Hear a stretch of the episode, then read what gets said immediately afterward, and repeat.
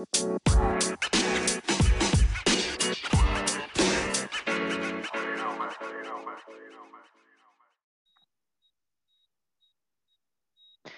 og velkommen til en ny episode av Jordbrukspodden. I dag har vi vært så heldige med å ha fått med oss en eh, gammel gjest, Grim Jardar Aasgaard. For dem som ikke hørte episoden med deg, Grim, kan du ikke bare kort si hvem du er og hvor du bor hen? Ja, jeg bor eh, fortsatt i Vingilla, som vi sier. Vingelen i Nord-Østerdalen. Olga kommune. Eh, eh, ja, det er som du sier, en gammel gjest. Jeg begynner å bli jeg et år gammel her siden sist vi pratet. Jeg er 52 år. Kjerring og tre unger. Jeg Driver med melkeproduksjon. Mm. Og nå er du jo på setra, er du ikke det? Hvordan går uh, setersesongen, og hvor lenge har dere tenkt å være oppe på, på setra? I år flytter vi opp på den 22. juni. Litt, eh, litt sen vår i år. Eh, ja, Maien var kald og tørr. Det tok litt eh, Ja, skal gjøre seg ferdig med ting hjemme og skal nå komme seg hit. Det er kanskje en fem-seks dager senere, 19. oktober, da. Vi flytta opp her. Eh, jækla tørt. Eh, til å begynne med, det sto egentlig litt i stampe i utmarka, og så ble jo egentlig hovedbekymringa på innmarka etter hvert. Det var fryktelig tørt i mai og juni her. Og så kom jo da væten. Jeg vet ikke, så det begynte å regne da. Først på juli til nå så er det vel passert 100 og, ja, 60-70 millimeter, er det enkelte som hevdet, og de som har målt. Og da kom jo problemene med, med kløver, da. For min del, jeg hadde en del trøbbel med føttene på kyrne i år ja, onde kløver og sånn klauspalte, fleggmoen og litt sånn. Så har ja, det har hakka litt på det området der. Har vi hatt klauspekkeren innom tre ganger. Med penicillinbehandlinger og sånt. Men nå har jo betaen kommet, da. Veldig bra. Både utagjerdes og, og innagjerdes. Så vi er inne i, inne i stimen nå. Det er vi. Og ja, fortsetter sånn, så blir vi her til 1. september. Har nå kalving midt i september. Det er greit å være hjemme igjen da, da. Mm. Men uh, dere har jo robot og alt hjemme. Det er ikke fristende å bare være der minimalt med tid for å få tilskudd. Hvilken vurdering gjør dere der? Er det så trivelig på seteren at dere være lengst mulig, eller er forenhetene i utmarka som er viktig, eller hvilke vurderinger gjør dere der? Nei, det er fôrenhetene mest fôret, rett og slett. Og vært her i to og en halv, tre måneder. Det er jo to og en halv, tre måneder med vinterfôr, det.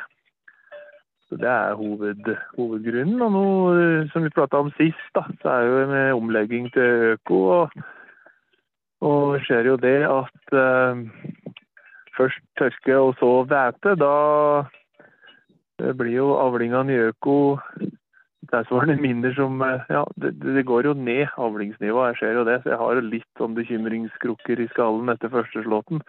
Så ser det jo ut som det rusler veien greit til andre, men desto viktigere er det å gjøre her å utnytte betaen her så godt som mulig, da. Så et grep vi har gjort her nå, er jo å eh, få flytta ut alt og sinky, kvier, eh, dyr som ikke mjølker, eh, ut på et eget nattbete i utmarka rundt vollen her, da. Og da flytter vi omtrent halve, ja, mer enn halve dyreantallet ut fra den beste nattbeta. Og det skjer her med veldig å drøye, drøye nattbetene. Så vi må nok holde ut her til vi ser september, ja. Det må vi. Ja, For dere bruker innmark til nattbeite til kyrne? Ja, vi gjør det. Nå må vi jo slå. Vi tar jo slått på nå, for at når vi bærer veien fra våra, så rekker vi ikke over å bete alt. Vi har jo sled og fått eh, klarte jo faktisk å slite til litt eh, godt tørka rundballer oppå her mellom de første skurene. Så nå er det jo bete på runddans her, da vi har en eh, to, tre, fire, fem, seks beter, da, som vi Nei, sju, faktisk. Vi veksler mellom. Men da hvordan blir det i øko da, når du ikke får på noe kunstgjødsel og møkk er ikke noe særlig å på beite? Hvordan blir avlingene da, synes du? Nei, Jeg har hatt har på møkk fra våra, og så har vi supplert med sånn der eh, grønn, da. Er pelletert hønsegjødsel som jeg har overgjødsla med. Og. Jeg har gjort det, og så har jeg, jeg har jo en liten møkkom oppå her òg som er veldig, er veldig tynn gjødsel i. og Det er jo egentlig mye vaskevann. Så jeg har nå på det eh, på noen beter, hvis det passer seg i løpet av sommeren. Men eh, ellers er det jo kløveren og mineraliseringa og det som dyra har til seg, som bidrar. Men eh, hittil så ser det egentlig bra ut. Du nevner jo at du har en del kløvproblemer og sånn, en mjølkekvalitet og sånn når du har flytt celletall og sånne ting fra robot og opp på seter, hvordan går det? I år har celletall gått uh, veldig bra. Det er jo det som er den store huggsotten som regel. Uh, og det som er utfordringa på bete og i år, er at ureaen går ned. Og da er det jo enten underdekking eller underdekking av protein. Jeg bruker jo denne her eh, Ikke Linnea, men eh, Violaen. Natura Viola, som er en kraftforslag med mest norsk og ikke noe soya i. Så jeg har jo en liten proteinbrist her nå. Jeg ser jo det ureatallene mine er jo ned på totallet nå. Mens mjølkemengden har ikke gått nevneverdig ned. og ja, Fett og protein henger noen noenlunde med fortsatt. Men eh, det er ingen tvil om at eh, ytelsen går jo ned fra robotmjølking, stabil innefòring til to ganger om dagen, utmark og gå lenger og sånt. Men eh, ja, det er noen del av driftsopplegget her, så det må nå bare love med. Enn uh, avlingene hjemme. Tror du det er mest uh, det med at du har gått over til øko, eller er det tørke og regn og vær, eller en kombinasjon, eller uh, tror du at det er litt uheldig med året du har lagt om til øko? Nei, det er nok en kombinasjon som mye annet i denne bransjen her. At det sto jo helt i stampe på grunn av tørken. Eh, det gjorde det. Jeg fikk ikke sånn at jeg fikk Jeg har ganske tørkesterk jord, men uh, det ble ikke sånn sviskader og borte. Men det ble uh, kanskje litt tidlig at det bare var noe skjøt litt tidlig òg. Og jeg valgte jo å høste tidlig for å ha kvalitet. Jeg tenkte jo som så at før i høstet, og før kan det komme igjen til å få en bra greie anslått. Og jo bedre fôr du produserer sjøl, så har du i hvert fall kontroll på det. For at hvis jeg må kjøpe fôr, og det er noe å få tak i, så er jo høyst sannsynlig det ikke så bra da, som det du dyrker sjøl. Det var en sånn vurdering jeg tok. Det er nok en eh, kombinasjon, ja. Det er det nok. I forrige podkast vi spilte inn, så hadde du vel, jeg husker ikke om det var i fjor eller året før, du investerte i, i Nofence. Og nå har det jo vært en del eh, som handla de nyere typer klaver som skulle være bra, men som, eh, som mange sliter med at de slutta slutter å fungere. og har noen som har slutta å fungere til det, fungerer det bra? Ja, det har fungert bra. Vi har én klave vi har klussa litt med her. Men eh, ellers har det fungert som, eh, som før om åra. Den klaven har vi nå sendt inn. og ja, Det var ikke akkurat sendt den inn, så jeg vet ikke helt statusen. Men ellers så funker det veldig bra for både meg og naboen. Batterikapasiteten er bra. og ja, Som jeg sa i fjor, da, det er ikke like nøyaktig som det var første året. Men det ja, jeg har ikke helt fått noen forklaring på det. Da var det jo liksom sånn centimeterpresisjon, men nå er det på en par meter da, hvis vi skal fingjerde. Det, ja, jeg har ikke fått noen forklaring på det, men det fungerer noe mer eller bra nok. Det er et vanvittig bra hjelpemiddel, altså. Virkelig. Men, men på de nattbeiteskiftene, bruker du Nofence der òg, eller bruker du strøm da? Nei, de er, bruker strøm eh, eh på dem på Innagjerdes har gjort. Vi har med noen småkalver da, du, som ikke har Nofence, og de er innpå så de tar god, eh, god bete. Så har de på utmarka har da kun Nofensen, som de stopper borti stopper borti Gringene her, da. Så har vi ordna med nytt av året. Jeg ordna nye ordentlig nytt vann oppe her. Jeg fikk meg til en sånn solcelledreven eh, eh, vasspumpe. Har en bra vasskilde, men problemet var at han lå lavere enn vollen. Så vi måtte gjøre noe nytt der. Så jeg fikk til en sånn solcellepumpe da.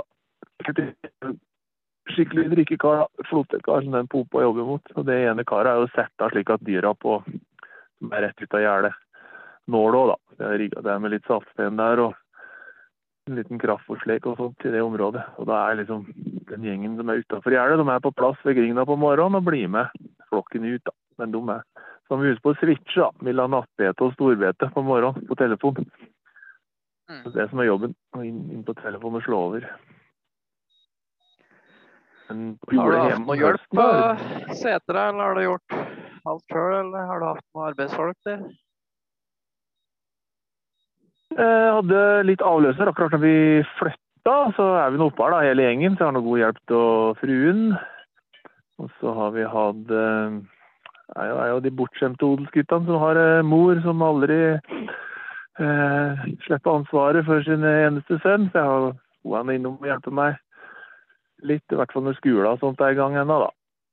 Så har vi hatt grønt Spatak-ungdom her gjennom prosjektet til Småbruklaget. Jeg hadde to,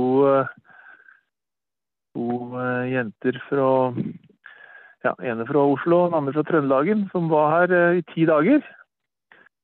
Og ja, jeg hadde ikke noen store forhåpninger med å få fullverdig hjelp der, men de kom på en lørdag. Allerede torsdag så tok de jo da fjøsstellet sjøl, så det var jo, ble jo egentlig veldig god hjelp, det. Det var veldig interessant og lærerikt òg, egentlig, for både dem og meg. Så ja, vi måtte bruke litt tid på politikken da, eh, på fjøsgulvet. Det var jo veldig moro. Mm. Og så dukker det opp noen folk her som er gjester, og noen av dem er noen arbeidende gjester. Så det er noe Ja, men sånn hovedansvaret så er vi her sjøl, ja. Det er vi. Jeg leier jo heller inn eh, hjelp til slott og og mjøkkjøring og sånne ting. Og så er jeg på Sæteren sjøl, da. Mm. Og vi er jo her hele familien hele sommeren, så. Ja, grønn spatak, er det noe du kan anbefale andre gårdbrukere å være med på hvis de har muligheten? Ja, absolutt. Det var veldig positivt for oss. Vi må jo like folk og ha dem innpå der, for de skal være en del av familien. og Eh, du holder hus og kosten, og de eh, jobber samme arbeidsdag som deg. Så ja, man må jo ha litt tid å ta seg av dem. Det er på en måte Når du skal ha nye å lære opp, og sånt, så må man jo må du bruke med. Men de skal jo være med, og det ba de jo til det fulle òg. Så det var jo litt artig. Jeg kjørte jo noen sånne 15-16 timers dager der et par dager, og da var de ganske overraska over at faktisk det er hverdagen i store deler av Eh, ja, den sesongen det er bært i hvert fall, at du jobber såpass lange dager. Og det klart de ble sliten og kjei. det tror jeg var en aha-opplevelse for dem.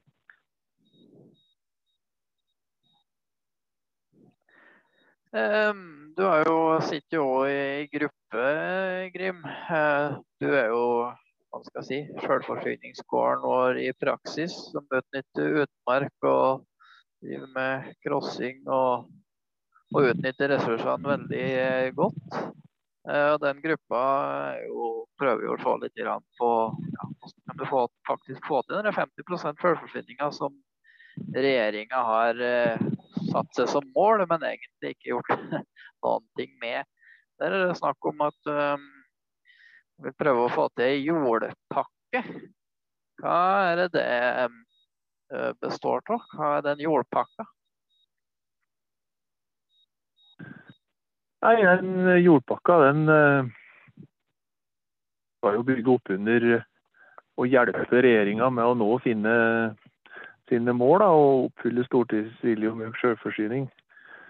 Og vi har jo tenkt at vi må konsentrere oss om noen punkter der. Nå er jo du litt kjent med dem, så du kan hjelpe meg hvis de kommer på alle. Men det skal jo stimulere til økt bruk av norsk jord, og vi ser jo det at det er mye jord som da går eh, ut av drift her og bli dårlig dreven osv. Og, og eh, ja, vi, vi, vi starta jo med å se på eh, rehabilitering, altså ta opp igjen bruken av jord som har gått ut av drift, og stimulere økonomisk til det. Og så er det grøfting, så er det kalking, så er det vatning. Og så er det bruk av virtuelle gjerder for å få eh, beitebruken. Og så ønsker vi å se dette her sammen med de teibaserte skottsordningene som vi, som vi eh, har prata om før. Ja, og det er med bare det så enkelt som kalking har vi vel vært innom i jordbrukspodden her før. Eh, det vet jo er lønnsomt for gårdbrukere å kalke. Allikevel så er det mangel på kalking for ca. 500 millioner, altså en halv milliard hvert bidige år. Og det er vel tanken er rett og slett at man eh, gir et tilskudd for kalking.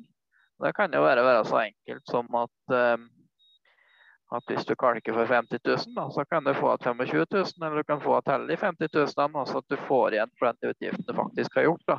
For det at når folk kalker så lite, så må det jo noe mer økonomiske stimuli til. Og så vet vi jo det at mm. halvparten er jo leiejord.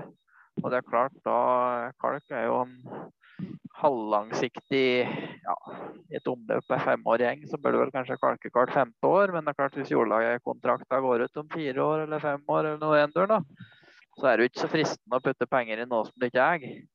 Det er ingen som gir bort penger til naboen som regel. Eh, så det er jo litt tanken eh, der, da. Eh, men det her reetablering Tenker man at det her skal være et tilskudd per mål? Som gis da til jord som blir tatt i bruk igjen. Hvordan skal det her gjøres i praksis, ser du for deg? For at det ikke blir for byråkratisk? Nei, Det må da i hvert fall stilles et krav at du driver jorda hvis du får et tilskudd for å begynne på at å ta på at du driver jorda. Så må du jo dokumentere at du faktisk har stavling der, og så må du jo drive det et visst antall år. Det må jo i hvert fall ligge i båten. Mm. Men det må jo være det må jo være noe å bruke det til. Det er jo, det er jo noe av greia her. Så det er jo å få opp at alternativverdien på å drive norsk jord, det er det som må ligge i båten. Mm. Det er at du kan begynne med å bry Det er én av flere tiltak, da. Ja, og jeg tenker Men, at det er jo et stort potensial på veldig mange små skifter, da som ja. er gått ut av drift, som er rett og slett dårlig butikk å drive. Men der jorda i seg sjøl er grei. Kanskje du kan høste en rumba der, da, men det tar fryktelig lang tid å slå og pløye opp og gjøre klart det stykket. da. Så Det er vel ganske mange sånne skifter da, som kunne vært aktuelt hvis du får et skikkelig beløp for å ta det i bruk. da.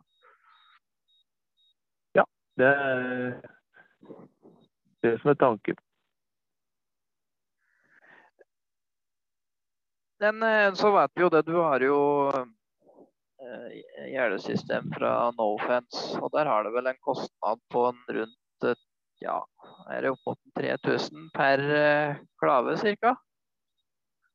Ja, det er 2,8 for storfeklaven og 1300-1400 kroner for småfeklaven. Mm. Og hvis man har sett for seg et tilskudd der på kanskje to tredjedeler eller 50% eller noe i den duren, så vil en jo tro at det her ville gjort det veldig interessant for mange å, å drive med. da. Jeg tror du bøygen nå for mange som ikke hiver seg på trenden, er investeringskostnaden, eller tror du det er fortsatt litt skeptisk mot teknologien og at folk er litt bekymra for det, og da heller gjør det tradisjonelt? Ja, det er vel som med mye annet en kombinasjon, da. Eh, det vil jeg tro. Men eh, jeg tror det er mye knytta til altså alle investeringer du skal gjøre, om det er Nofence eller eh, traktor eller fjøs eller kalvingsting eller hva det nå er, så er det jo mye knytta til, til, veldig dårlig økonomi og usikkerhet rundt framtida på investering til Nofence òg. Det har klart har det kommet tydelige signaler på at, at vi skal bedre mer, og at det er et helt klart eh, ønska virkemiddel for å nå økt selvforsyning og bruke de grasressursene. så ja, da vil et sånt tilskudd være med som et stimuli. Det må, det må vises, det må monnes, det må ville det. Og Det er det som er noe av utfordringa her. Åssen er det i området ditt i utmarka der? Er det potensial for uh, mer uh, krøtter, eller? Ja. Det er jo vegetasjonskartlagt her. Nå husker jeg ikke helt i detaljtallene, men for Vingelen sogn, da, det som er kartlagt, så var det, liksom, det er jo en teoretisk mulighet ha 10 000 sau eller 4500 storfe på bete i betemånedene. Så det er jo inne på det rike Ambrosiliur-Trondheimsfeltet som vi bor i, med, så er det jo Ja, riktig skjøtsel og stell, så er det jo potensialet for masse beter. Men mye er jo allerede forringa pga. gjengroing. Det er det jo. Men potensialet er stort i, i vår del av Nord-Østerdalen. Mm. Det her med Nå har jo tørken er jo avblåst, og, og vær så det. Det har blitt mer flom og skred enn en snakk om tørke på starten av sommeren. Men på Østlandet spesielt så er det jo betydelig svekkelse i kornavlingene, i hvert fall i forhold til i fjor, da, som var et veldig godt år. Um, så det her med vatning og, og tilskuddsordninger på det, hvordan, uh, hvor viktig er det for selvforsyning, grøntnæring osv. At man har noen ekstra gode ordninger på det med, med vatning? Ja, hvis du mener alvor, så er jo det essensen. Vi de kulturene og de avlingene der er jo helt avhengig av, eh, av startvatning og spirevatning, ikke sant. Så det er jo Ja. Eh, og det viser jo alle erfaringer og vatningsanleggene vi har, er jo rester av det som skjedde rundt forrige opptrappingsvedtak. Så det vil jo helt klart eh, treffe veldig bra i forhold til å oppnå målet om økt sjøforsyning. Og det er jo det de sier de vil, da. Så jeg tror vatning, grøfting og kalking av enkle, gode agronomiske tiltak er jo helt essensielt å få til. Mm. Men eh, Østerdalen er det, er jo, det er jo ganske mye skrinn og tur, eh, jord der. Men eh, det er vel ikke noe særlig vatningsanlegg i de områdene, eller er det det? Nei, Jeg kjenner ikke alle alle detaljer her, men i Nord-Østerdalen, de som har vatningsanlegg og har drevet med vatningsanlegg, er jo nede i dalbunnen der du har lettere sandjord, og kanskje de som òg har drevet med, eh, med mandelpotet. For da har du jo, foruten vatning for planten og veksten sin del, så har du jo muligheten til å drive frostvatning, da. Men eh, jeg kjenner ikke hvordan vatningsdekninga er. Men oppe i, i dalsidene der vi har krabb og lere, så altså, er det ikke så veldig vanlig å ha, ha vatningsanlegg. Det er det ikke. Du vil tro at dekninga nedover i Østerdalen, når du begynner å komme i andre enden, Oppang, Rena, Elverum og ja, videre nedover i Sol- og Rådalen i Innlandet, så er det jo eh, sjølsagt mye bedre utbygd. Mm. For dem som ikke kjenner til det, frostvatning, potting, det er jo for å hindre frost på poteten. For da er den jo Blir det frost, så da er en kjørt poteten. Så det er jo ganske viktig. Det er vel andre teknikker som har vært brukt på det òg. Eh, båltenning av halm og for å ha røyk. Så det er mye, mye forskjellige teknikker på potet òg. Eh, men eh, ei sånn type jordpakke hva er det som, eh, er det som hindrer regjeringa å, å, gjøre det her? For hvis de har på en måte vedtatt at bonden skal jamstilles, og du putter direkte penger inn, om det er reetablering av jord, eller om det er mer grøftetilskudd eller digitale gjerder eller kalking eller hva det er, så vil det jo da redusere utgiftene til gårdbrukerne og gi et større inntektsmulighet òg. Eh, så hva er egentlig nedsida for regjeringa, og finnes det noen nedside, egentlig? Eh, I, I mine øyne, ut fra det de sier om ønsker, så finnes det jo ingen nedside med å lage en jordpakke som stimulerer til økt bruk av uh, norske jordressurser. Det, det, kan jeg ikke skjønne. Så I mine øyne så står det jo kun på politisk vilje, og at noen faktisk lager den planen. Da. Og det, det er kanskje der vi kan bidra, og der vi ønsker å bidra, og kommer til å gå inn og jobben nå i denne gruppa her. Og eh, lage en plan og få den forankra i, i styret i småbrukerlaget. Mm. Det arbeider vi mer må gønne på med nå. Det er ingen andre som gjør jobben, ser det ut som. Ja, for du tror ikke det at uh, regjeringa sjøl sitter på en selvforsyningsplan klappa og klar? Nei, det tror jeg ikke. Jeg tror ikke engang de har tenkt på det. Men det skal vi jo aldri si aldri, da. Men han blir jo ikke akkurat eh, optimistisk stemt når han ser åssen eh, eh, regjering og stat eh, håndterer jordbruksoppgjøret og, og småbrukerlagets inngang der i år, da. Og nei, det går på vilje, rett og slett, og, og snakk om å komme i gang. Og nå har det jo gått to tre statsbudsjett ut i perioden, og skjer det ikke noe nå og får ting på plass, så ja, da begynner det å spørre seg om de mener det og vil det.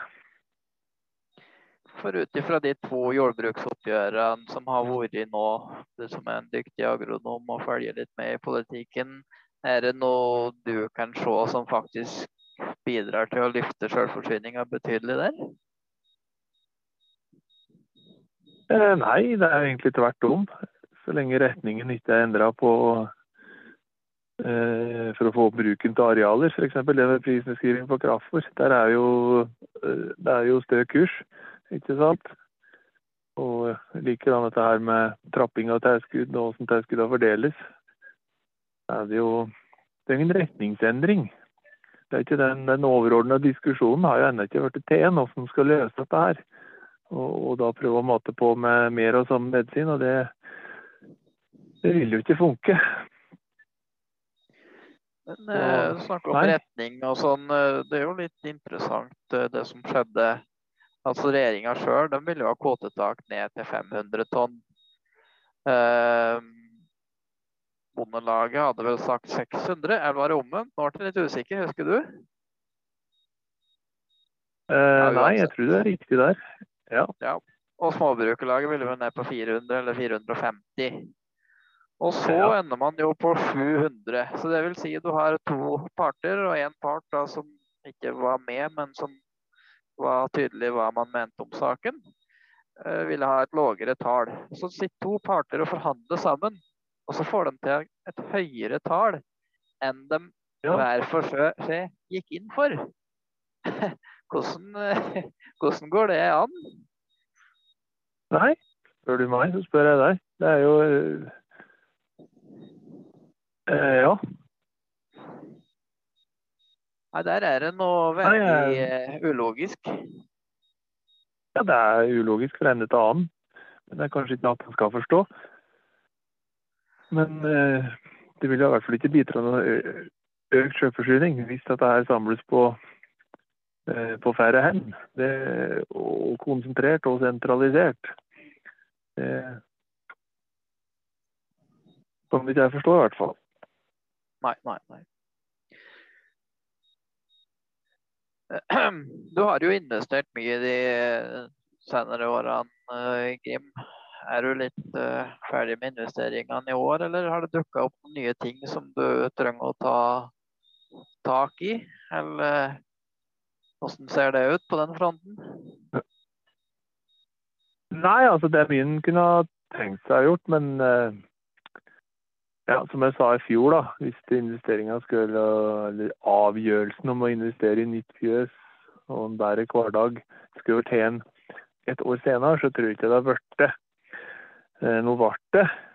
Og hver eneste dag jeg har opp fjøsdøra, så er det jo en Jeg gleder meg til å gå til fjøsa. Jeg har fått et bra fjøs og et eh, veldig bra fungerende system og opplegg, men når du liksom snur deg rundt og åpner PC-en og går på nettbanken og Det er jo en helt annen, helt annen stemning du får da. Så alt blir egentlig rigga eh, til å være i stand til å slutte eh, om fire år, for da slipper en å tilbakebetale investeringsselskapet. Jeg ikke det er ikke det jeg vil, det er kanskje det siste, men man må bare ta hensyn til det, da. Så det er jo mye en skulle ha investert i her nå. Plantsilo f.eks. Ja. Ting som gjør at sånt er bare vare på Markstak? Ja da, ja, jeg legger markstak. Det funker for så vidt, det. Men det er liksom Det er lagt på vent, da. Vi, vi, vi driver med det vi har, både til maskiner og, og utstyr. Og så må en jo ja, sørge for å få avling og, og, den biten der. Legge pengene inn i, i, det. Men det er ikke noe sånn videreutvikling i forhold til å eh, investere og, legge, og, låne mer penger. Det er ikke noe, det er ikke noe tema nå, selv om det er masse ting man kunne tenkt seg gjort ut fra hvordan en gard skal drives. da. Du nevner jo plansilo. Hvordan er betongkostnader og sånn i ditt område? Det har jo blitt gått opp litt, og transporten har jo dyrere. Er det kostbart med betong til det, eller ligger du nært blandeverk? Nei, jeg har blandeverk nede på Tynset her, men uh, det er jo enerådene i, i dalen. og ja, Huset ikke helt tall, men fra jeg begynte oss til første gangen førre våren og til siste ladningen i fjor, så var det Jeg husker ikke tallene, altså, men en ganske høy prosentøkning av prisen. Jeg lurer på om det var mellom 20 og 25 men det må vi ta med en liten klype salt. Det skjøt jeg litt fra hofta. Mm. Ja. Men i forhold til plansil, har du regna noe på det, eller er det bare såpass dyrt at det er liksom ikke aktuelt i det hele tatt? Jeg regna på det uh, i, i, fjor. Jeg gjorde det. Men uh, nei, jeg slo det fra meg i forhold til totale gjeldsmengden vi har. og ja, når tallene for i fjor, og regnskapstallene og sånt kom, så ja, da, da kørner det ned, da, for å si det sånn. Men er det litt Nå har jo melk fått et lite, men ikke så stort løft, så et lite løft i jordbruksoppgjøret. Ser det ut som det blir bedre resultater i år enn det du hadde i, i fjor, eller er det litt status quo? Det var renteoppgang òg? Ganske status Ja, nettopp. Der har du det. Så i forhold til den, så er det ja, foreløpig ganske status quo. Så kommer det litt an på fortsettelsen her nå, da. Åssen det går med avlinger, eventuelt om å kjøpe fôr Ja, om man klarer produksjon her. Mm. Eh, når du er i omleggingsår, eh, må du da kjøpe økologisk eh, grovfôr, eller er det dispensasjon på å kjøpe konvensjonelt da? Nei, ja, du skal kjøpe økologisk så fremt det er oppdrivet, da. Men det er klart, i sånne kriseår med tørke og sånn, så blir det jo dispens til å kjøpe lokalt konvensjonelt hvis det er å framskaffe.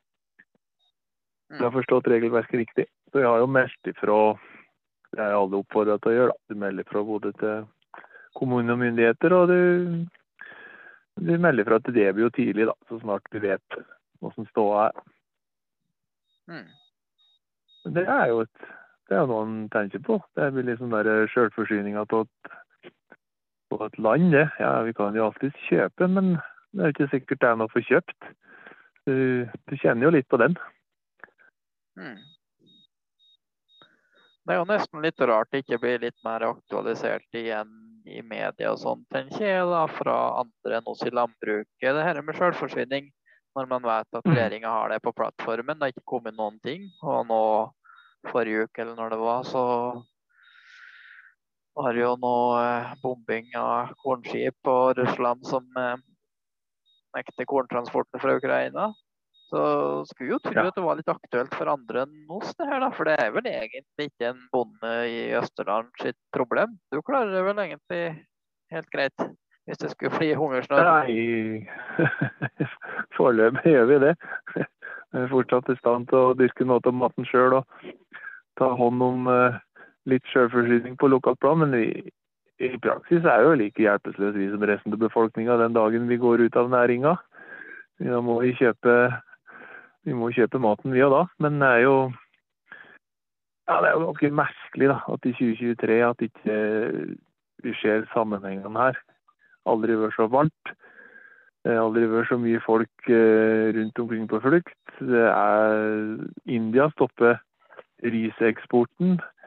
Eh, kornavtalen ble avslutta, og og det går en dag eller to, så blir jo det her kornskipa konskipa bomba av droner, det var. Ja, det, må jo, det må jo ringe noen bjøller her. Er det ikke smart å ha hånd om mest mulig av matproduksjon sjøl, som, som land? Eh, jeg skjønner det ikke. Hmm. Nei, og hvis du da justerer for den gode kornhøsten i fjor, og ser det i et lengre perspektiv, så er det vel mye som tyder på at egentlig selvforsyninga går ned i år, da. Og ja. det er vel bare et par land som er bakom oss på lista, og ikke Haiti og et annet land. da, Så kanskje vi kommer helt nederst på lista òg der. Jeg tror vel Haiti har gått forbi oss nå. Ja vel, ja. Det, ja, det er bare, bare Belgia bak oss, hadde noen som sa her. Ja, ta det om en klype salt, men uh, ja, i løpet av året. Om det vi blir så dårligere eller har gitt det blitt bedre, det skal ikke jeg ha sagt, men det er uansett ganske Det er dårlig, da. Når vi har bare en tredjedel av maten sjøl. Mm. Da må man jo spørre seg skal vi ete tre hver dag, eller skal en tredjedel til å sette seg mett, eller er det bare en tredjedel som skal få mat, eller i worst case, da, hvis det er stopp. Mm. Ja, hva velger du av det? Hver tredje dag, eller skal vi da? det er ganske alvorlig. Så at ikke Ja.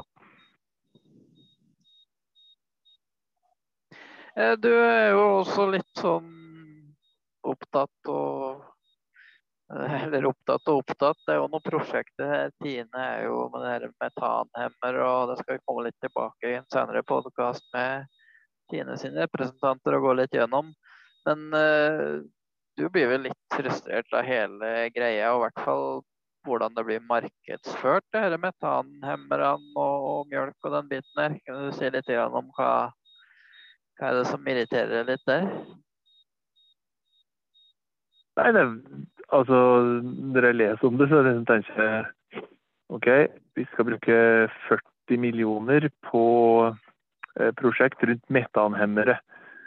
Eh, prosjektet foregår på Romerike på ei kvote på 500-600 tonn. Og mjølka skal lanseres til lokalmarkedet i Gåsøyner i Oslo som framtidsmjølk. Og da begynner jo jeg å spørre meg, da, det som produseres av av mjølk ute i distriktet her, og mjølka som er ute på stedet, er det liksom Er det fortidsmjølka, det, da, eller? Jeg tenker jo at dette her kanskje er et eh, ja, et både klimamessig og bærekraftsmessig blindspor er da, i forhold til eh, å ha desentralisert mjølkeproduksjon og mjølk eh, og, og grovfôr over hele landet. Altså, vil jo Tine så er her ett av grepene de Eh, kan gjøre. da. Og hva er det gir det her metanhemmerne? Er veldig gjerne eh, vått noe mer om. Mm. Ja, Det får vi komme litt tilbake om når vi skal diskutere ja, med Tine. Men eh, sånn min betraktning rundt dette er at når man på en måte går inn i det der, da, så anerkjenner man jo ikke at det her er en del av det naturlige kretsløpet som alltid har vært der. Og man da ja, ja, aksepterer at det er kua som er problemet, og ikke mennesker sitt vanvittige ja. overforbruk. Sånn at man er liksom med på å fordumme hele greia, syns jeg, da. Ja, det blir jo litt sånn derre like fordummende som elbil-diskusjonen i mange sammenhenger. Det Nei, det er definitivt et eh, bærekraftsmessig blindspor i mine øyne, på lik linje med mye av det som er innholdet i klimakalkulatoren. Så ikke lenger ikke ta inn, de reelle utslippene, de reelle faktorene som bidrar til at klimaet blir dårligere. Eh, ja, I form av frakt, da, først og fremst, så er det jo et blindspor. Og det vil jo at det her være, og som du sier, kua er jo en del av det naturlige kretsløpet. Eh, vi skal ha flere kyr. Vi skal ha flere kyr som spiser mer norsk gras. Og vi skal få høyere pris for mjølk og kjøtt. Og vi skal helst også produsere med flere gårdbrukere. Da begynner vi å mm. snakke. Uh, du har jo gjort uh, tiltak, eller solceller. Uh, har du ikke vært litt innom de tankene òg? Jo, vi la på solceller i fjor sommer. På ja, det ble vel et år den 6 27. juni Og vi hadde et år med solceller. Har du gjort deg opp noe status på om det var fornuftig, eller eh, Jeg regna med du regna vel litt på det før du setter i. Er det som forutsetningene stemt med produksjon, eller? Ja, det har stemt egentlig ganske bra. Eh, litt lavere produksjon totalt, eh, men prismessig så det jo, var det jo vanvittig bra i fjor, da, vet du. Ikke sant? Da var det jo Stelte jo strøm for to, to kroner og nesten 30 øre kilowatten mens vi var her på Sætra og fyrte dieselaggregat. Ironisk nok. Men det har jo vært ja, eh, jevn, bra, fin produksjon. Nå var jo julien dårlig, men uh, nei, av de investeringene jeg har gjort, så er det antakeligvis det som kommer til å betale seg eh, fortest, og faktisk gi avkastning på kapitalen du har skrevet inn nå. Hmm. Så Har du hatt noen driftsmessige utfordringer, noen reparasjoner eller reklamasjoner eller ting som ikke har fungert, eller? Eh, nei, ikke på selve installasjonen. Jeg har litt trøbbel med å få ut lokalt e-verk til å få opp eh, og koble opp en litt grovere kabel. For de oppdaga jo det når jeg fikk solceller, at nettet ut var litt svakt, og da plikter de jo å ut å oppgradere nettet da, til meg som er grønn kunde. Men det har tatt litt på tida, så nå har vi fått krevende ledninger. kan du- Si hva det betyr for noen som ikke vet. Nei, da har du, da har du eh, avtale om å, å levere strøm, overskuddsstrømmen din på nettet. Det går jo automatisk. Når du produserer mer enn det du bruker sjøl, så går jo overskuddet ut eh, på nettet til, til dagens eh, pris, da. Da er det plusskunde. Grønn plusskunde er det, da. Så, og da, når du er leverandør, så plikter netteier å ha nettet i en sånn stand at anlegget ditt fungerer optimalt. Og det gjorde det ikke her, da. Så da kom de og gro ned en eh, grøvere kabel. Men det er litt på tida å få dem til å koble det opp, så ja, det blir noen mase. Men bortsett fra det, så har det ikke vært noe med sjølve verken installasjon eller anlegget. Det rusler og går, og det er klart dette her er jo eh, vedlikeholdsfritt anlegg, da. Var det lokal installatør du handla fra, eller gjorde du noen erfaringer Ja, i den ja. prosessen når du henta inn tilbud? Har du noen tips eller triks til dem som Ja, det er mange som vurderer det nå? Ja, ja da, jeg henta tilbud fra tre, tre stykker. To lokale og én ekstern, for å ha litt å sammenligne med. Og det var noen, noen forskjeller, men det som var mest avgjørende, var leveringstid og leveringsdyktighet, da. Det var det. Men Søkte du om noe tilskudd i Innovasjon Norge på det, eller? Ja da, jeg gjorde det. Jeg gjorde det. Så, eh, jeg husker ikke prosenten helt hva den ble nå, men uh, fikk jo dekt uh, ja, av en kostnad på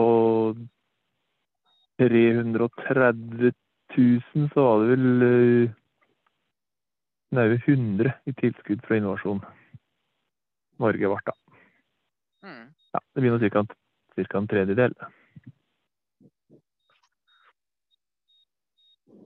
Og da er det på fjøstaket du har det, men du har ikke Ja, opp hele ja. taket, går jeg ut ifra? Jeg dekket opp så mye som det, det nettet Vidar kunnet ta unna for, da. Som det var teoretisk beregna det, men som viste seg å være litt for svak. Så kan du si at jeg fikk opp kanskje et litt stort anlegg, eh, men det var jo beregningene var jo godkjent av både netteier og de som monterte. Så ja.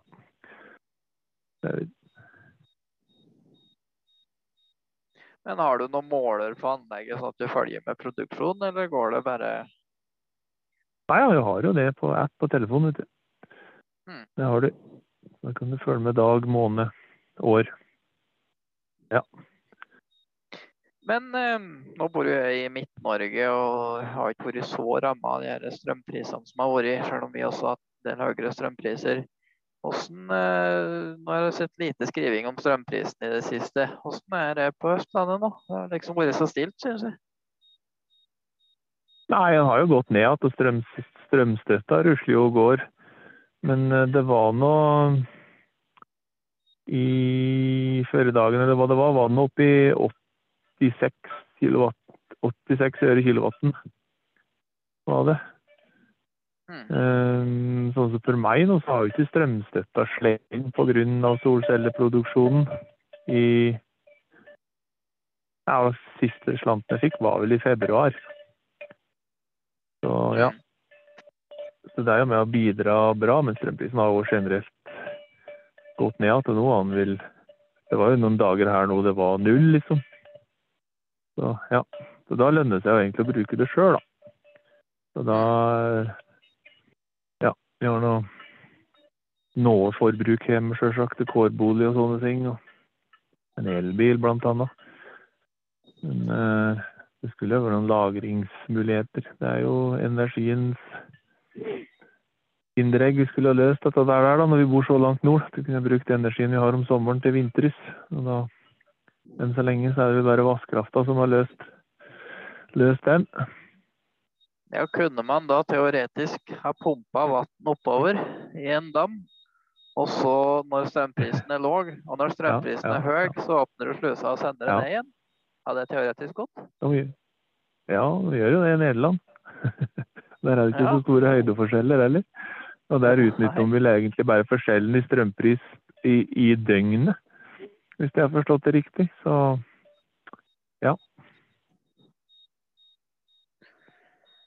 Her kan det kanskje ligge noen muligheter for noen eh, smarte gårdbrukere som ligger, ligger godt til. Kanskje har eh, både minikraftverk og solceller. ja, nei, energi er jo det det det, det, det det dreier seg om. Matproduksjon òg.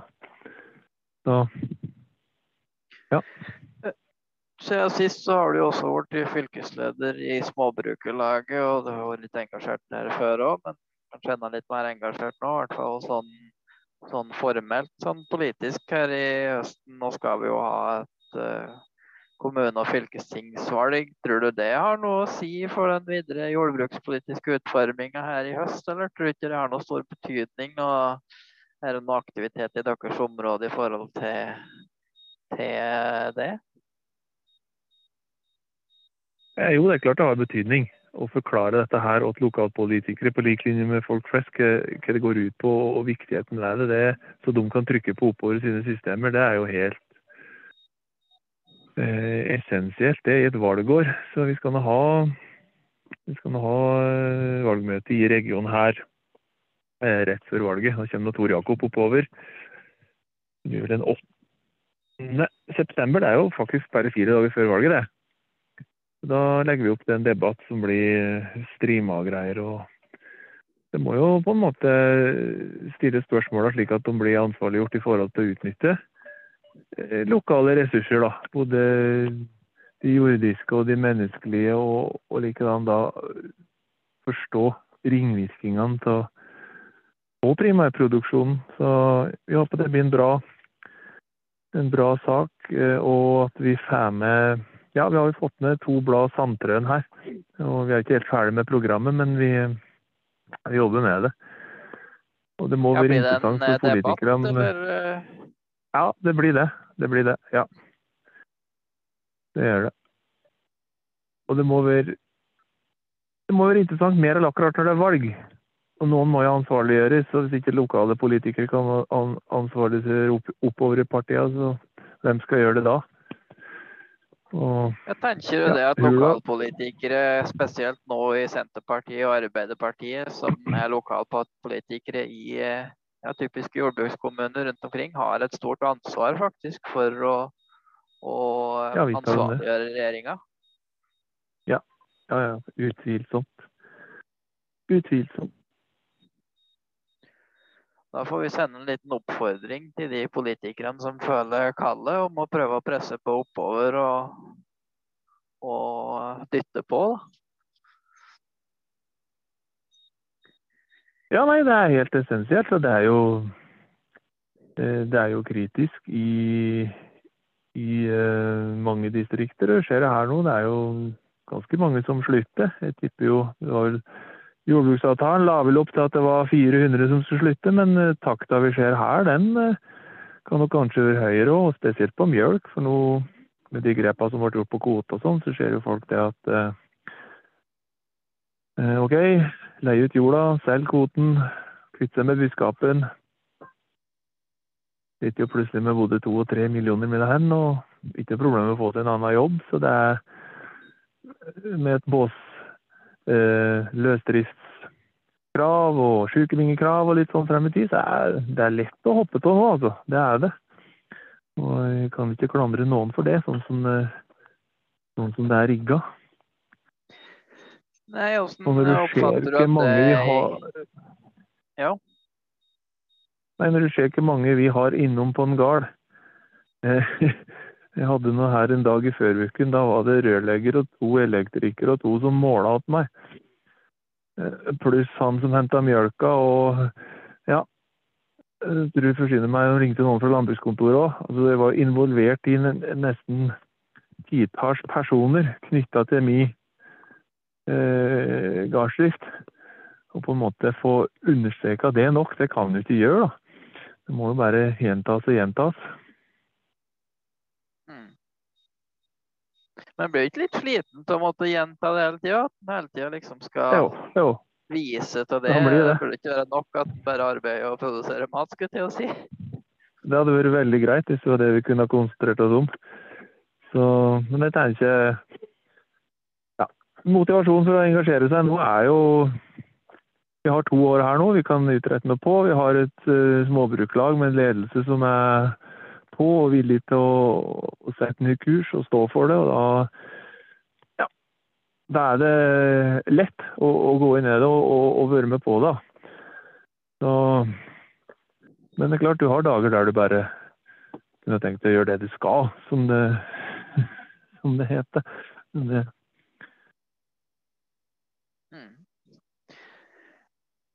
Er det noen andre ting du ønsker å eh, formidle her på tampen, eh, eh Grim? Det er mye vi kan prate om, vi, men, eh, men ja.